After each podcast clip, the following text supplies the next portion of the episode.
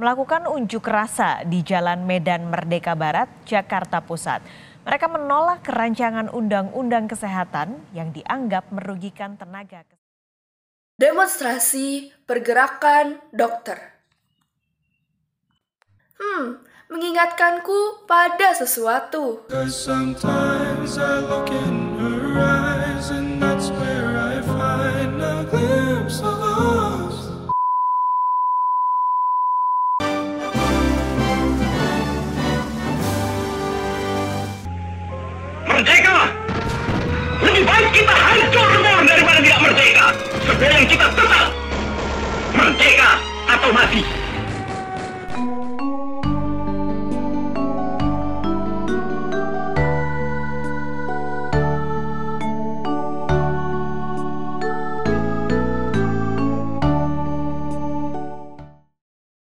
Demonstrasi. Katanya sih, sikap unjuk rasa yang identik dengan penolakan, ketidaksetujuan, atau sebuah pernyataan pendapat. Demonstrasi selain identik dengan pernyataan pendapat, dia juga sangat identik dengan sekumpulan kelompok remaja menuju dewasa. Yap, apalagi kalau bukan mahasiswa. Nah, tapi yang menarik di awal berita yang kita dengerin tadi, yang melakukan aksi demonstrasi ini bukanlah para mahasiswa, tapi tenaga kesehatan yang memang belakangan ini sepertinya udah jarang banget nih kedengeran melakukan aksi unjuk rasa penolakan. Tapi yang kita bahas di sini bukanlah demonstrasinya, bukan juga RUU kesehatannya.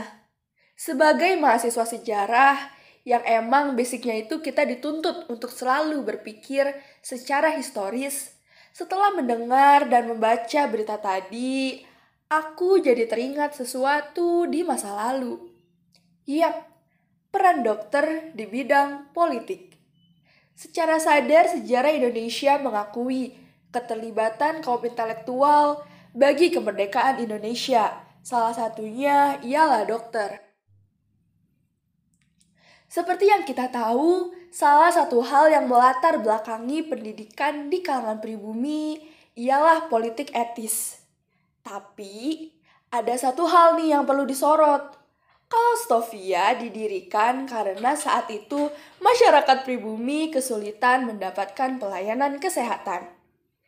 Hingga akhirnya pemerintah Hindia Belanda mendirikan Dr. Jawa School di Walter Freden. Beberapa kali mengalami reorganisasi dan perkembangan hingga akhirnya pada tahun 1900 Dr. Jawa School berganti nama menjadi School Thought of Leading Fun and Lens Artsen yang biasa kita kenal dengan sebutan Stovia. Menurutku, salah satu alasan fasilitas ini yang menyebabkan dokter-dokter di Indonesia turun ke lapangan untuk langsung melihat para pribumi yang menderita. Pada masa itu, dokter-dokter revolusioner menganggap bahwa Hindia Belanda merupakan tubuh yang penyakitan dengan kemiskinan dan ketidakadilan sebagai masalah utamanya. Sehingga mereka membayangkan terbentuknya sebuah negara baru yang sehat dan merdeka. Pendidikan membawa mereka pada rasa empati yang berujung pada pergerakan untuk merubah situasi Rasa empati itu membawa mereka pada kesadaran identitas yang berujung pada pembentukan organisasi. Organisasi itulah yang kemudian berbelok menjadi organisasi politik. Lalu, apa aja sih peran dokter dalam bidang politik di masa itu? Secara umum kita tahu nih, pergerakan nasional itu dilatar belakangi oleh pembentukan organisasi Budi Utomo yang salah satu pelopornya ialah Sutomo, yang merupakan mahasiswa kedokteran di Stovia. Eh, tapi, tapi, tapi, tapi, ada satu tokoh dokter nih yang amat sangat penting untuk dibahas. Ialah Bapak Dokter Wahidin Sudirohuso. Saat itu, ia berperan aktif menjadi pegawai kesehatan di Yogyakarta. Dan pada tahun 1901, Dr. Wahidin menjadi pemimpin redaksi Retno Dumilah Jabatannya sebagai pemimpin redaksi menciptakan usaha untuk mengunggah masyarakat Jawa bahwa pendidikan merupakan kebutuhan penting yang harus terpenuhi. Pada masa itu, ia gencar menyampaikan gagasan-gagasannya dalam rapat organisasi masyarakat Jawa, yaitu Tata Harja dan Sukaharja. Kedua organisasi itu ia gunakan untuk melancarkan propaganda mengenai kebangkitan Jawa. Beliau juga menekankan pentingnya untuk berbahasa Melayu. Pada tahun 1906, ia juga melakukan propaganda dengan memberikan beasiswa-beasiswa bagi anak-anak muda pribumi yang pandai. Meski dalam pelaksanaan kegiatannya, ia sering dianggap sebagai perusak sistem ketertiban yang ada, tetapi perjalanan kampanyenya tidak gagal sama sekali. Dana yang didapat melalui kampanye digunakan sebagai biaya untuk memajukan pendidikan masyarakat Jawa yang disebut study fund.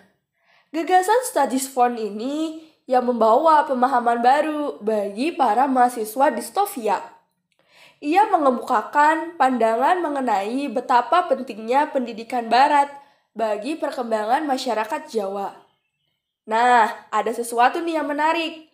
Menurut pernyataan di MG Koch, sebagai seorang sosialis Belanda, pada masa itu, siswa Sofia masih belum berempati pada gagasan Dovis Dekker, di mana gagasannya itu adalah untuk membuat Partai Indo-Eropa tentang kemerdekaan Indonesia.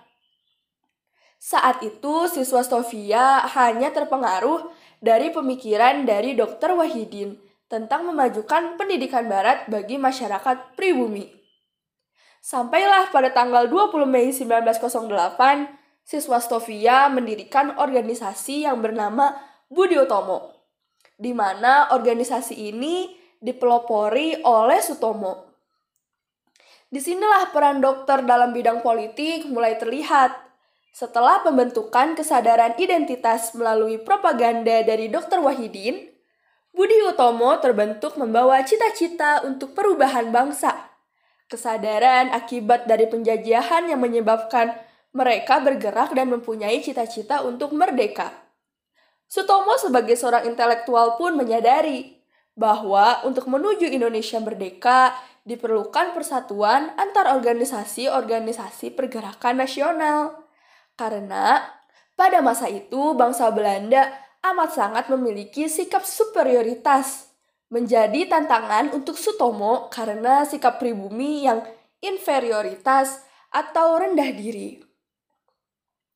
Untuk mengatasi rasa rendah diri itu, Dr. Sutomo pun membentuk Indonesia Study Club pada tanggal 24 Juli 1924.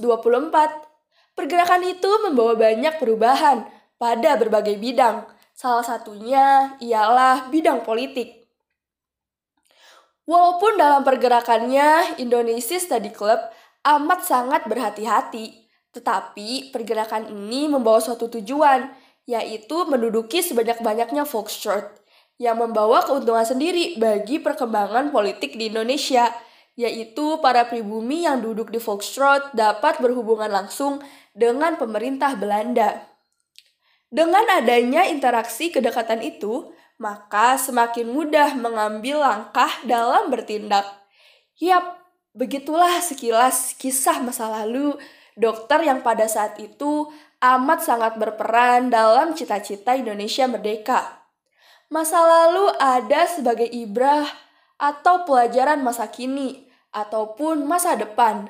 Semoga podcast kali ini bisa menjadi refleksi masa kini bahwa sesuai dengan sumpah dokter pada poin ke-8, sebenarnya dokter punya hak untuk menyampaikan ekspresi politiknya, namun ia tidak boleh meninggalkan profesionalismenya.